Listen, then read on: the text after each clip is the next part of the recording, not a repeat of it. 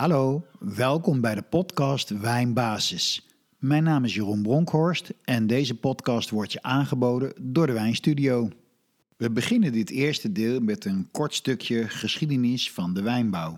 En dan gaan we meteen door met de wijnbouw zelf, het klimaat, de omstandigheden in de wijngaard, het weer en het beroemde woord terroir. Dat is de invloed van de bodem en het klimaat op de druif en dus ook op de wijn. Dan gaan we door naar de bodem, de bodemsoorten en de irrigatie. De druivenziektes die zo bepalend zijn geweest voor de druiven die we vandaag de dag gebruiken. En de oogst, de druivenpluk. Daarna volgt vinificatie, het wijn maken, de rijping en kort iets over biologische wijn, natuurwijn en duurzaamheid en wijn maken. Het eerste bewijs van uh, wijn maken is gevonden in Georgië, in kruiken met resten van 8000 jaar oude wijn. Van daaruit breidde de wijnbouw zich uit naar Perzië, het huidige Iran, naar Egypte en toen kwam het in Europa aan, in Griekenland. Wijn in die tijd was wel een heel ander product. Het smaakte totaal anders dan nu. In feite was de techniek natuurlijk nog helemaal niet ontwikkeld en wijn bedierf gewoon heel snel. En om die slechte smaken tegen te gaan, werd er van alles aan toegevoegd, zoals kruiden en honing en zelfs zeewater.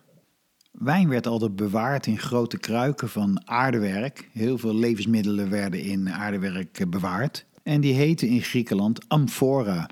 Die amphora's waren tamelijk poreus en om het lekker tegen te gaan, werden ze aan de binnenkant ingesmeerd met pijnboomhars. Maar dat beïnvloedde de smaak natuurlijk wel. En tot de uitvinding van het glas hebben de Grieken die wijn eeuwenlang gedronken. En ze zijn zo gewend geraakt aan die pijnboomharssmaak dat je dat nu in poedervorm nog kan kopen en toevoegen aan je wijn. En die wijn ken jij waarschijnlijk ook, want dat heet Retsina. Vanuit Griekenland ging de wijn door naar de Romeinen in Italië en die maakten echt werk van de verspreiding van wijn in Europa. Ze brachten de wijnstok eerst naar de Provence en de rest van Frankrijk, zelfs tot en met de Elzas, naar Spanje en naar Duitsland. De Spanjaarden voerden de wijnstokken mee naar Mexico en de missionarissen brachten de wijnbouw van Mexico naar San Francisco via de Camino Real, de Koninklijke Weg. Iedere 100 kilometer op die weg werd er een missiepost gesticht en bij de mis hoorde natuurlijk wijn. Maar als je afgaat op het aantal hectare wijnbouw, werd er ook eh, flink geproduceerd voor consumptie buiten de mis. De Nederlanders hebben de wijnbouw in Zuid-Afrika geïntroduceerd. In opdracht van de Oost-Indische Compagnie stichtte Jan van Riebeek in 1652 Kaap de Goede Hoop in Zuid-Afrika. Er moest een groentetuin komen om eh, schepen te bevoorraden en er zaten ook eh, wijnstokken bij. Maar hij wist eigenlijk niks van wijnstokken en wijnbouw, dus dat mislukte. De Fransen hebben het later overgenomen en niet zo eh, verwonderlijk, toen ging het wel goed. Tot zover het ontstaan van de wijnbouw in de wereld. We gaan nu kijken naar het klimaat. Waar voelt een wijnstok zich thuis? Klimaat is tegenwoordig een hot item, maar niet iedereen kent de definitie ervan. Klimaat is het gemiddelde weer in een gebied over een periode van minstens 30 jaar. We weten allemaal dat door klimaatverandering de aarde warmer wordt, maar wat betekent dat voor de wijnbouw? Nou, dat is heel goed te merken. Voor degenen die nog twijfelen aan klimaatverandering, praat eens met wijnboeren. Op heel veel plekken in de wereld, en zeker in Frankrijk, is de oogst twee tot drie weken eerder dan 30 jaar geleden. Het gunstige klimaat voor wijnbouw schuift dus op steeds verder van de evenaar. Dat betekent dat koele landen zoals eh, België en Nederland steeds geschikter worden voor wijnbouw en dat klassieke wijngebieden zich moeten bezinnen. Sommige druiven redden het gewoon niet meer met die warmte. In de Bordeaux-appellatie, de Bordeaux-wijnwetgeving, zijn daarom nieuwe druivenrassen toegestaan. En de meest bijzondere daarvan vind ik is de Tempranillo uit Spanje. Dat is nu officieel een Bordeaux-druif geworden. De meeste wijnbouw vindt plaats tussen de 30ste en de 50ste breedtegraad. Zeg maar ongeveer van Noord-Marokko tot aan de Mosel in Duitsland. En dat heeft natuurlijk alles te maken met warmte. Er moet genoeg warmte zijn voor de druif om te rijpen. Een druif heeft van zichzelf hele hoge zuren waar die mee begint. En tijdens de rijping worden die zuren afgebouwd en nemen de suikers toe. En suikers worden later omgezet in alcohol. Dus in hele warme gebieden hebben wijnen over het algemeen een hoge alcoholgehalte. En ook de aroma's ontwikkelen zich. Een witte wijn begint bijvoorbeeld met groene appel en peer en bloemen. Daarna wordt het abrikoos en persik. Maar in een heel warm gebied kunnen zich ook tropische aroma's ontwikkelen, zoals mango en papaya. Kennis van het klimaat is voor een wijnboer heel belangrijk, want dat bepaalt uiteindelijk welke druiven je op welke plek neer gaat zetten. Ieder druivenras ontwikkelt zich het best in een bepaald klimaat en op een bepaalde bodem. Wijn is in de basis een landbouwproduct en dus afhankelijk van het weer. Laten we eens kijken wat het weer doet met druiven. Om te beginnen, het eerste waar je natuurlijk aan denkt, is zon, warmte en licht. Onder de 10 graden Celsius stopt de wijnstok met alle processen. Hij gaat niet dood, maar er gebeurt ook niks meer. En datzelfde geldt voor boven de 35 graden. De bladeren gaan zich beschermen tegen te grote verdamping. En de fotosynthese stopt. Er zijn druivenrassen die goed tegen kou kunnen, die het allerbeste er tegen kunnen zijn de Pinot Noir en de Riesling. En die vind je dus allebei in Duitsland. En er zijn druiven die uitstekend tegen hitte kunnen, zoals Syrah en vooral Grenache. En Grenache vind je eigenlijk in heel Spanje. Als je zo'n koel klimaatdruif in een heet gebied zet, krijg je verbrande aroma's.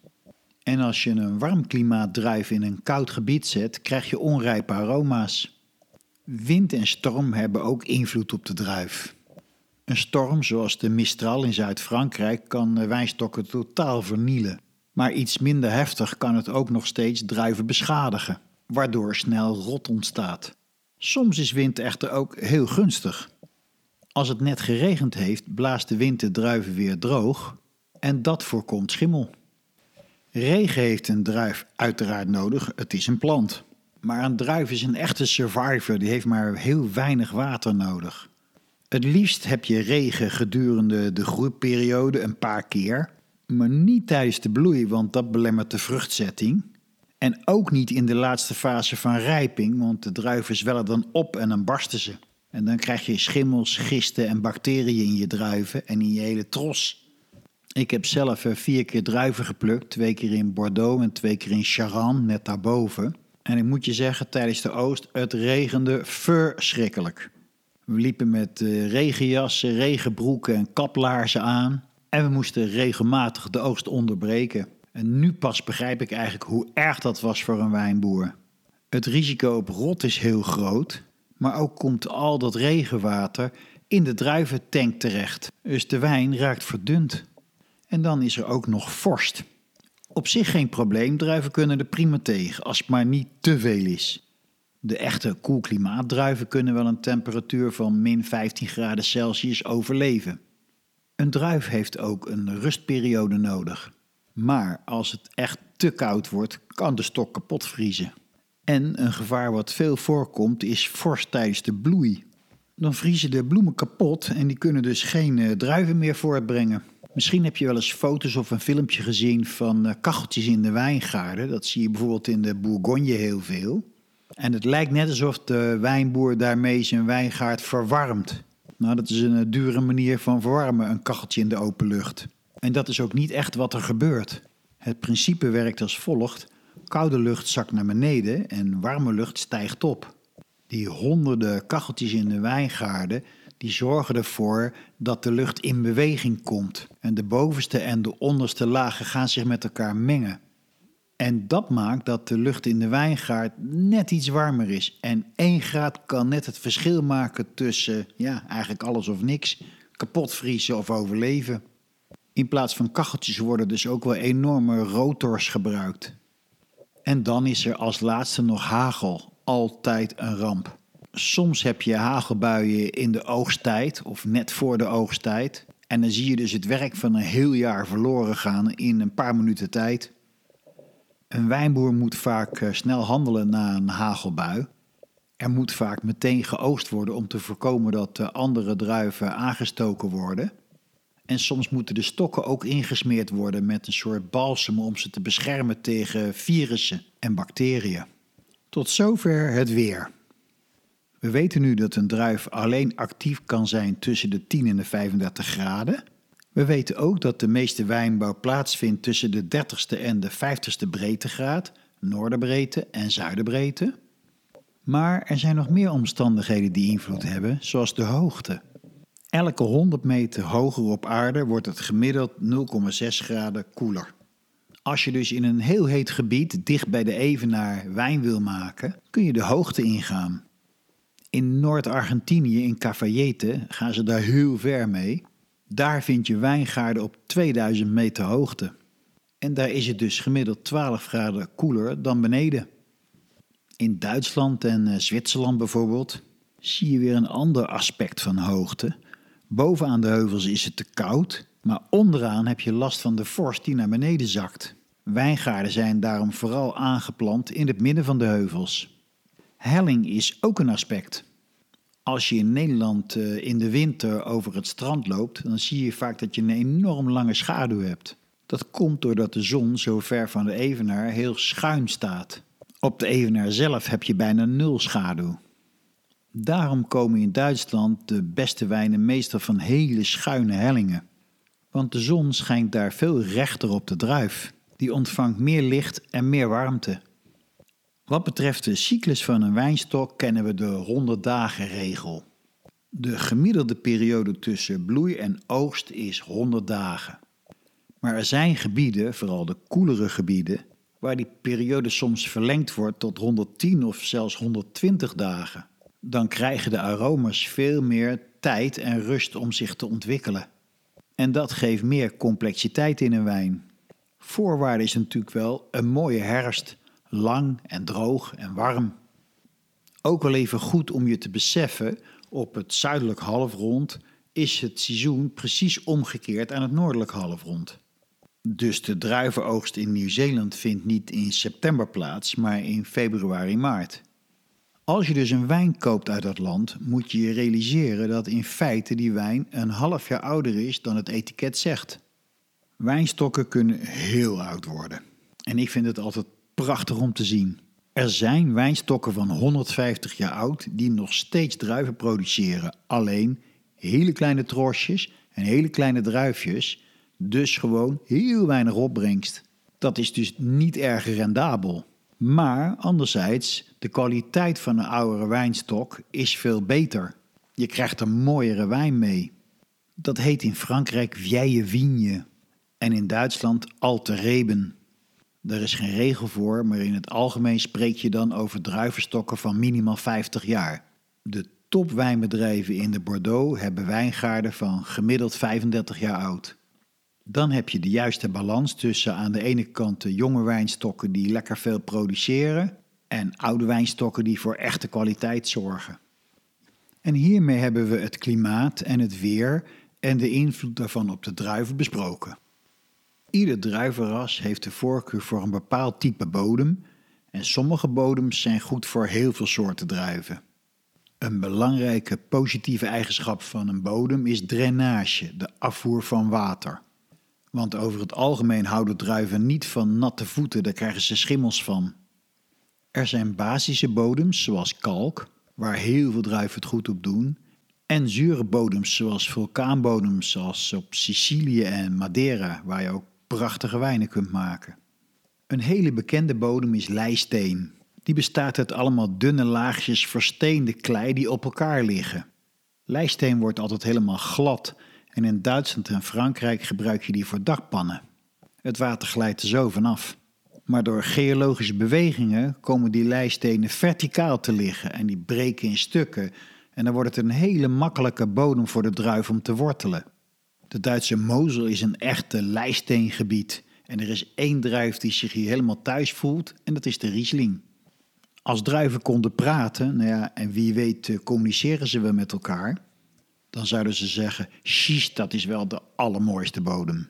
Schist is een afbrokkelend gesteente, in feite de laatste levensfase van leisteen. Het is heel goed drainerend, het water loopt er heel goed in weg. De bekendste schistebodem vind je in de Douro, in het portgebied. Met druiven als Torica Nacional en Tinte Roriz, die in Spanje Tempranillo genoemd wordt. En dan is er natuurlijk ook een kalkbodem. Kalkbodems zijn ontstaan op plaatsen waar vroeger een zee was. Alle zeedieren die een kalkskelet ontwikkelen gaan dood en zinken naar de bodem van de zee en daar stapelt de kalk zich op. De beroemdste kalkbodem is het krijt in de Champagne. Maar kalk vind je ook in het cognacgebied en in de Spaanse Jerez waar sherry gemaakt wordt. De druif die zich het allerbeste voelt bij kalk is Chardonnay.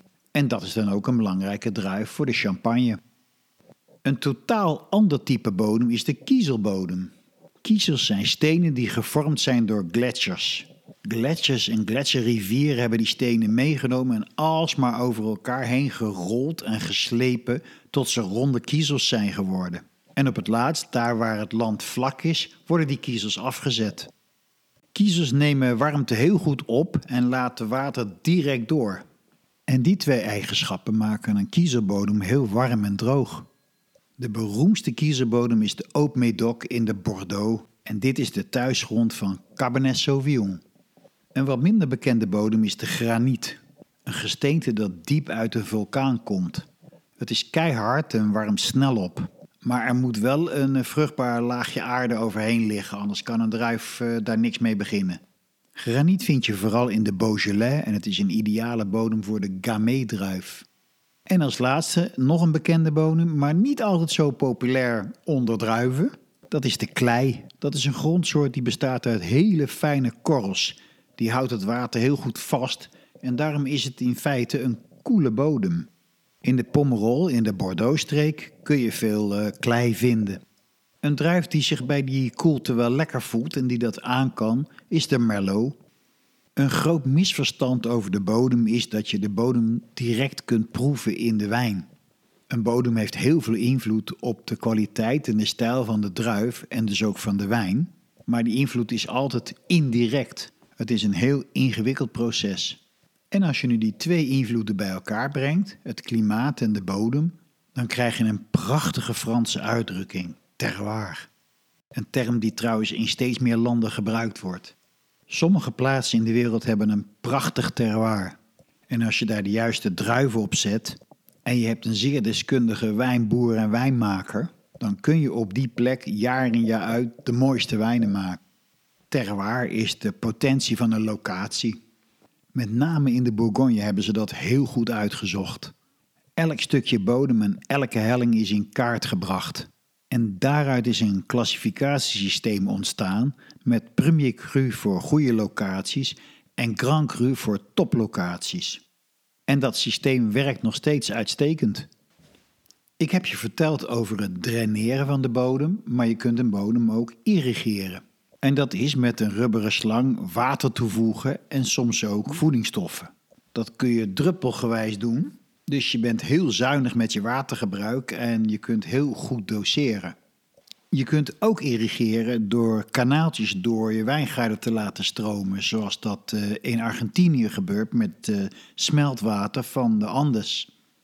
Het bezwaar tegen irrigeren is dat de druif ieder jaar in dezelfde conditie leeft en de verschillen tussen de jaargangen en dus de typische karakters van jaargangen verdwijnen. Daarom is het in de meeste Europese wijnbouwregio's verboden, behalve voor eh, de aanplant van jonge druiven, want ja, die hebben gewoon water nodig om te overleven. En het laatste onderdeel van de wijnbouw wat ik met je wil bespreken is druivenziektes.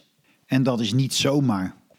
Druivenziektes hebben zeer ingrijpende gevolgen gehad voor de wijnbouw. Rond 1850 ontstonden in Europa binnen 30 jaar de drie belangrijkste druivenziektes. Te beginnen met de oïdium, de meeldauw. Dat is een droge witte schimmel die eerst de bladeren aantast en uiteindelijk sterft de wijnstok. En zo'n 30 jaar later kwam er nog een andere schimmel in de druivenranken, de valse meeldauw. Zo mogelijk nog erger. Ook een schimmel die eruit ziet als eh, spinnenwebben met zwavel of uh, zogenoemde Bordeauxse pap, een mengsel van zwavel en koper en kalk, kunnen deze ziektes goed bestreden worden. Schimmels zijn sowieso de grootste vijand van de druif en ze ontstaan overal waar het vochtig is. Maar de allergrootste wijnramp ever in de wijnbouw zijn niet de schimmels geweest, maar de druifluis. Die ook in die periode in de wijngaarden tevoorschijn kwam. De druifluis, of Phylloxera, boort gaatjes in de wortel van de druivenstok en voedt zich met het sap van de wortels. De druif reageert daar met een soort tumorachtige zwellingen. En de wortels worden steeds verder aangetast. Binnen enkele jaren is de plant dood. Al die ziektes kwamen uit Amerika. In Engeland stond een kas in de beroemde Kew Garden, waarin allemaal exotische planten stonden. Daar hoorde natuurlijk de Amerikaanse druivenstok ook bij. En het werd steeds makkelijker om dat soort planten neer te zetten, omdat het vervoer zoveel sneller geworden was. Dus planten overleefden die reis. De mensen die die planten meenamen realiseerden zich niet dat ze ook ziektes meenamen. En vanuit Kew Garden vond de plant zijn weg door heel Europa. Grote gebieden van Europa waren economisch helemaal afhankelijk van uh, druiventeelt. En dat viel compleet weg. Er is van alles geprobeerd om die plaag te bestrijden. Zoals het eh, uitzetten van padden in de wijngaard, het overstromen van de wijngaard met zout water en het injecteren van vergif in de bodem. Nou, niks hielp. Die druifluis kwam telkens weer terug. Uiteindelijk, zo'n 20 jaar na de introductie, kwam de oplossing. De druiven die wij voor de wijnbouw gebruiken zijn allemaal Europese druiven. En die kun je enten op Amerikaanse druiven, de onderstam. Want in de natuur kun je alles enten op elkaar zolang het tot dezelfde familie behoort. Die Amerikaanse druiven namen weliswaar die ziekte mee, maar zelf waren ze er behoorlijk goed tegen bestand. Nu zijn bijna overal op de wereld de onderstammen Amerikaans en de bovenstammen Europees. Overigens zie je dat enten bij de bomen in je straat ook. Vaak zie je ergens een knobbel zo op een eh, meter hoogte. En dat is de endplek. De onderstam is dan geschikt voor een bepaalde soort bodem. En de bovenstam geeft de boom die je zo graag wilt zien. Dat kan dus met alle planten zolang ze familie van elkaar zijn. En heel grappig, de Rosacea is een hele grote familie met onder andere appels, peren en abrikozen. Je kunt een onderstam nemen en daar die verschillende fruitsoorten op enten. En nu komen we toe aan het volgende onderdeel van deze podcast: half wijnbouw, half wijn maken en dat is de druivenoogst.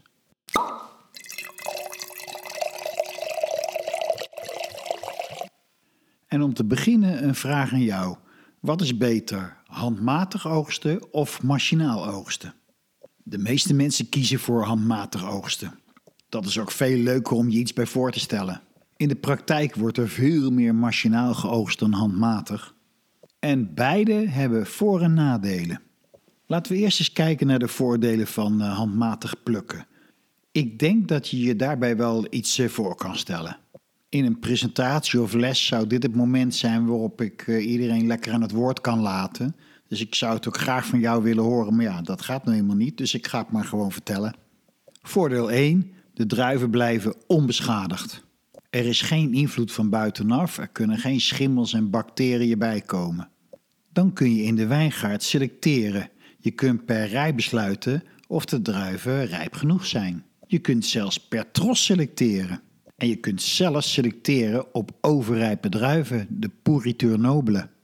Als de druiven binnenkomen bij de wijnmakerij, komen ze meestal op een sorteertafel terecht, de table de tri. Een lopende band waar een aantal mensen omheen staan die heel kritisch kijken, soms zelfs ruiken aan de druiven en alles wat niet helemaal goed is meteen eruit knikkeren. En dan is er nog een voordeel aan handmatig plukken. En dat is dat je op schuine hellingen kunt plukken waar het met machines veel te gevaarlijk is. Maar machinaal plukken heeft ook voordelen. Ten eerste natuurlijk dat je in een superkorte tijd enorm veel kan plukken. En dat is gunstig, want dan kan je wachten met plukken totdat er slecht weer aankomt en dan in één keer de knoop doorhakken. Je kunt ook makkelijk s'nachts plukken, waardoor de aroma's beter eh, bewaard blijven. In feite heb je maar twee mensen ervoor nodig: één voor de plukmachine en één voor de wagen daarnaast die het allemaal opvangt. Je hoeft dus niet te zorgen voor plukkers, voor woonruimte, voor eten en drinken, voor een ploeg mensen die ziek kunnen worden. En het is dus vreselijk efficiënt. Je spaart gewoon een hoop arbeid uit. Oogstmachines hadden vroeger hele lompe, dikke knuppels. Maar tegenwoordig zijn het allemaal trillende staafjes. Dus de druiven raken steeds minder beschadigd. Goed, de oogst is nu binnen. Maar voordat we verder gaan is het goed om eens even te kijken naar de samenstelling van de druif. Hoe zit die eigenlijk in elkaar? Een druif heeft een steeltje, een schil, de pulp en de pitten. En ieder van die onderdelen heeft eigen kwaliteiten. De kleur van de wijn komt uitsluitend van de schil. Rode wijn kun je alleen van de blauwe druiven maken. Die schil moet een tijdje in zijn eigen sap weken om die kleur af te geven. Van witte druiven kun je uiteraard geen uh, rode wijn maken, maar van blauwe druiven kun je zowel wit als rode wijn maken. Als je de schil niet in het sap laat weken, heb je dus ook geen kleur onttrokken en krijg je een witte wijn. De meeste aroma's van de druif bevinden zich net onder de schil. Dan bevat een wijn water, suikers en zuren. Dat zit natuurlijk allemaal in het vruchtvlees. Een druif bestaat voor 85% uit water. Overigens zijn er een heleboel verschillende soorten zuren die een druif bevat, waarvan de belangrijkste wijnsteenzuur. En dan komen we bij tannine uit. Waarschijnlijk ken je dat wel, maar voor de duidelijkheid, als je het niet weet, zet een pot eh, zwarte thee met een pickwick zakje bijvoorbeeld. Laat dat zakje er lekker lang in hangen, laat die thee gewoon koud worden en neem eens een slok. Het is geen feestje, zal ik je vast vertellen. Je voelt dan iets heel drogends in je mond, met name voor in je mond. Vooral achter je tanden. En een enkele keer is tannine zo sterk dat je het zelfs op je lippen kunt voelen. En ook kan tannine zorgen voor een bittere nasmaak in je mond. Dat klinkt allemaal eigenlijk helemaal niet leuk en toch kan het best heel lekker zijn. Het hangt van de wijn af en het hangt ook heel erg af van wat je op dat moment aan het eten bent. Een ander woord voor tannine is looizuur. Het is een natuurlijk conserveermiddel en daarmee is het heel belangrijk in sommige mooie, dure wijnen, zoals top Bordeaux, want het zorgt voor een lange rijping. In een goede Malbec hoort tannine, dat maakt het gewoon lekker. En een Barolo, misschien ken je die wel uit Italië van de Nebbiolo-druif, barst van de tannine. Dat hoort gewoon bij die wijn. Tannine vind je in de druif op drie plekken in de schil en daar is de tannine heel zacht en vriendelijk. In de steel en daar is de tannine gemiddeld hard. Daarom worden druiven vaak eerst ontsteeld voordat ze verder het proces ingaan. En in de pit, en dat zijn altijd hele slechte tannines, bittere oliën. Die wil je nooit in je wijn hebben. Daarom mag je nooit zo hard persen dat de pit breekt. Nu weet je hoe een eh, druif in elkaar zit en ik wil nog even terugkomen op de aroma's. Waar komen die vandaan? Er zijn twee belangrijke factoren die de aroma's van druiven maken. De eerste is het druivenras. Ieder druivenras heeft zijn eigen typerende kenmerken. Bijvoorbeeld muscat die smaakt naar uh, rozen en uh, litchis. En de tweede factor die de smaken bepalen is het terroir de plek waar de druif gestaan heeft, de invloed van het klimaat en de bodem. Heel belangrijk om te onthouden is, je kunt alleen een mooie wijn maken van een mooie druif. De kwaliteit moet er al in zitten. Tot zover de druif, we gaan wijn maken. Bij het wijn maken kan eh, heel veel eh, misgaan en daarom zijn controle en hygiëne enorm belangrijk. De gevaarlijkste periode zijn de eerste paar weken als de vergisting aan de gang is. Overigens moet ik eerlijk zeggen dat ik uh, wijnkelders heb gezien waar het bepaald niet echt hygiënisch eruit zag en waar toch prachtige wijn gemaakt werd. Wijn maken begint dus met vergisting. Gisten zijn overal in de lucht, op de druiven, maar vooral in de wijnkelder. De suikers in de druiven worden door gisten omgezet in alcohol en koolzuur, CO2. Het koolzuur vervliegt, tenzij het vasthoudt, en de alcohol blijft in het sap. Maar tijdens de vergisting gebeurt nog iets heel belangrijks. Er zijn allerlei voorlopers van aromas en smaken die tijdens die vergisting omgezet worden in de definitieve smaken en aroma's. Pas door de vergisting komen al die mooie geuren vrij. Om de vergisting snel te laten verlopen worden de druiven gekneusd. Gebroken dus. Er zijn nog een paar plaatsen in de wereld, met name natuurlijk in de Douro in Portugal, waar je dat doet eh, door met je voeten te treden, maar meestal wordt het allemaal eh, machinaal gedaan. En dan komt het moment om te kiezen tussen een witte en een rode wijn. Je kunt blauwe druiven meteen na het kneuzen persen. En persen is niets anders dan het scheiden van de vaste stoffen en de vloeistoffen. Dan krijg je dus druivensap zonder schillen en daar kan nooit een kleurtje in komen. Als je dat laat vergisten, krijg je witte wijn. En in Frankrijk noem je zo'n wijn een blanc de noir, een witte wijn gemaakt van blauwe druiven. En een witte wijn van witte druiven heet een blanc de blanc. Als je een rode wijn wil maken, moet je die schillen mee laten vergisten. Die moeten inweken in dat sap. Dus dan ga je pas persen na de vergisting. En tenslotte, als je een rosé wilt maken, laat je die schillen een korte tijd inweken in het sap, misschien een uur of een paar uur, maximaal een dag.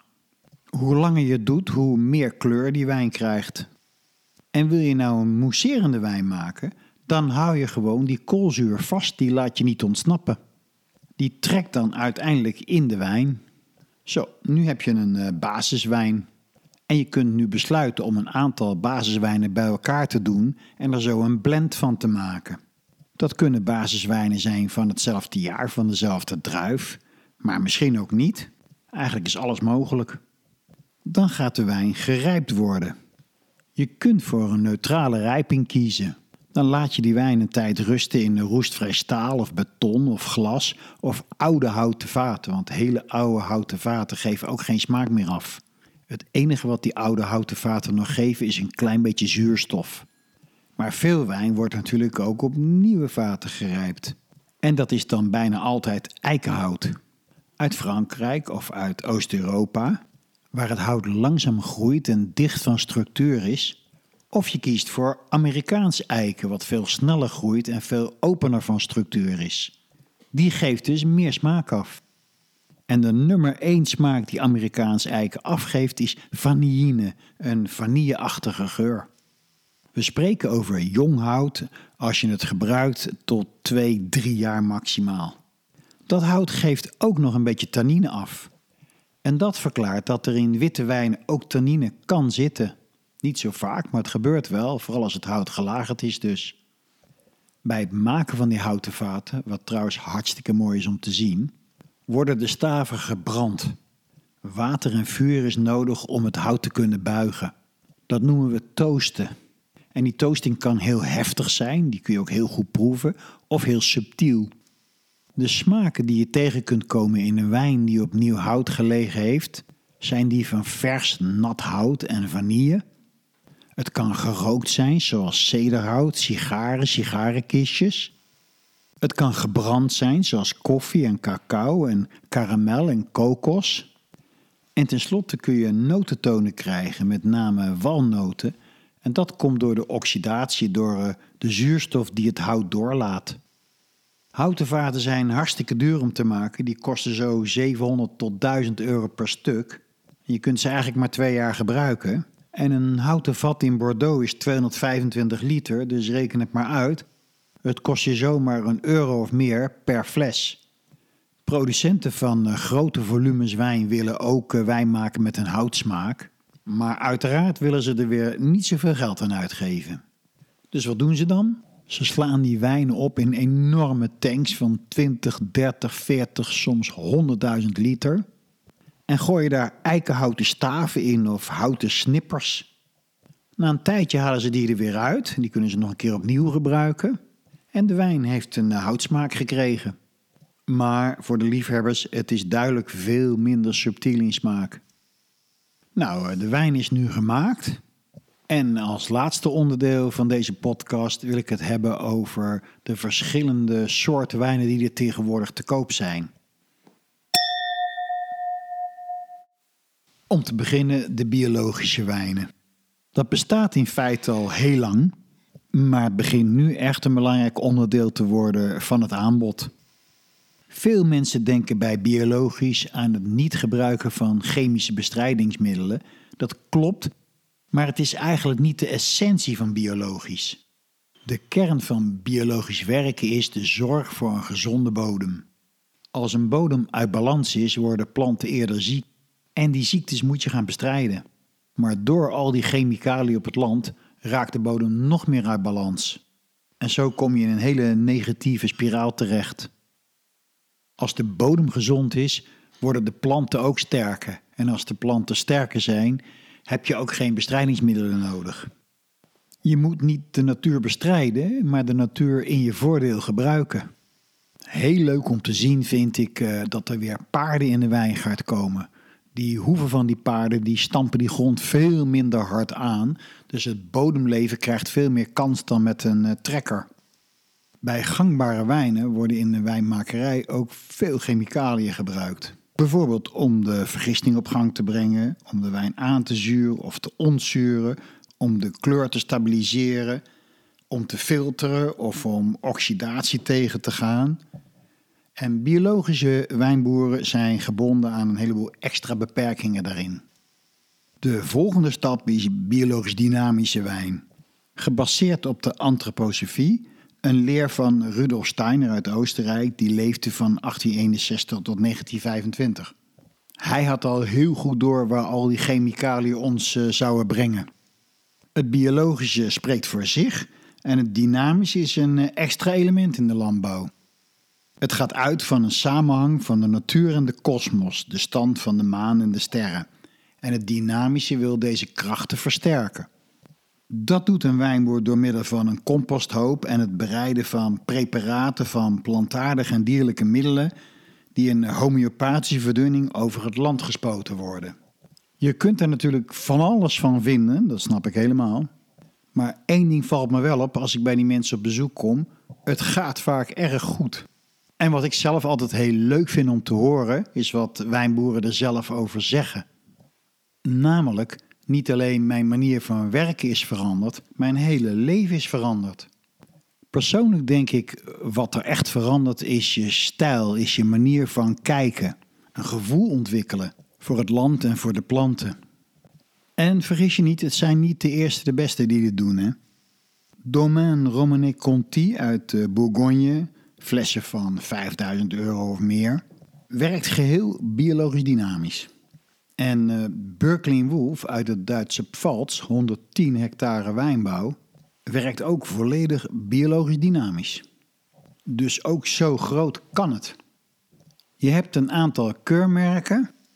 In Nederland is er het eh, Eco-label. En je hebt dat Europese label voor biologisch, zo'n groen vlak met uh, witte puntjes die een soort blaadje zijn. Voor biologisch dynamisch heb je de meter. En dan zijn er nog een paar hele interessante stijlen. En één daarvan is de oerwijn. In Georgië wordt al zeker 6000 jaar lang op dezelfde inventieve manier wijn gemaakt. De gekneusde druiven worden in hun geheel in een hele grote aardewerken amfora gestopt die in de grond begraven is, een zogenoemde kwevri. Na de vergisting wordt dat vat hermetisch afgesloten en in het voorjaar erop kan je de wijn voor het eerst proeven. Echt puur natuur dus. Dan heb je ook nog orange wine. Dat zijn witte druiven die met een schil meevergist worden. Dat geeft een beetje een oranje kleur. Die wijnen hebben tannine en een stevige smaak. En dan is het de natuurwijn of vin natuur. Een hele nieuwe trend waarbij het idee is zoveel mogelijk aan de natuur over te laten. En met name de sulfiet weg te laten. Sulfiet is uh, zwavel en het wordt overal in het wijnmaakproces gebruikt. Het beschermt de wijnen. Die bescherming valt weg en uh, die wijnen krijgen hele aparte smaken. Brettanomyces heeft uh, vrij spel, een wilde gist. En die geeft aroma's van muizennest, stal, paardenzweet en spek. Liefhebbers noemen dat funky wijn. Mensen die het niet snappen noemen dat terroir, maar daar heeft het niks mee te maken. Het verschil is gewoon dat bacteriën en gisten en schimmels veel meer ruimte krijgen. De wijn is uh, ongepolijster, ruwer en sommige mensen vinden dat prachtig. Met name in Amsterdam verkoopt het heel goed. En als laatste onderdeel van deze podcast wil ik nog een opmerking maken over duurzaamheid. Dat gaat over de ecologische voetafdruk die je achterlaat in deze wereld. Maar niet alleen dat. Het gaat ook over de mens, over kinderarbeid, over een veilige werkplek, over diversiteit en een fatsoenlijke vergoeding. Er is nog heel veel over te zeggen. Wel grappig om je te realiseren. Een wijn die in bulkverpakking uit Chili per schip aankomt, is misschien wel veel duurzamer dan een wijn die in flessen vanuit Sicilië in een vrachtwagen vervoerd wordt. Tot zover deze eerste podcast over wijnbouw en wijnmaken. Ik hoop dat je het leuk vond. Ik hoop dat je het interessant vond. In de volgende podcast behandel ik de proefmethode, de witte en de blauwe belangrijkste druivenrassen en wijn in de praktijk. Een heel breed begrip, maar goed, daar komen we wel uit allemaal leuke weetjes en feitjes. Je bent van harte uitgenodigd om er weer bij te zijn. Mijn naam is Jeroen Bronkhorst en deze podcast wordt je aangeboden door de Wijnstudio. Tot de volgende.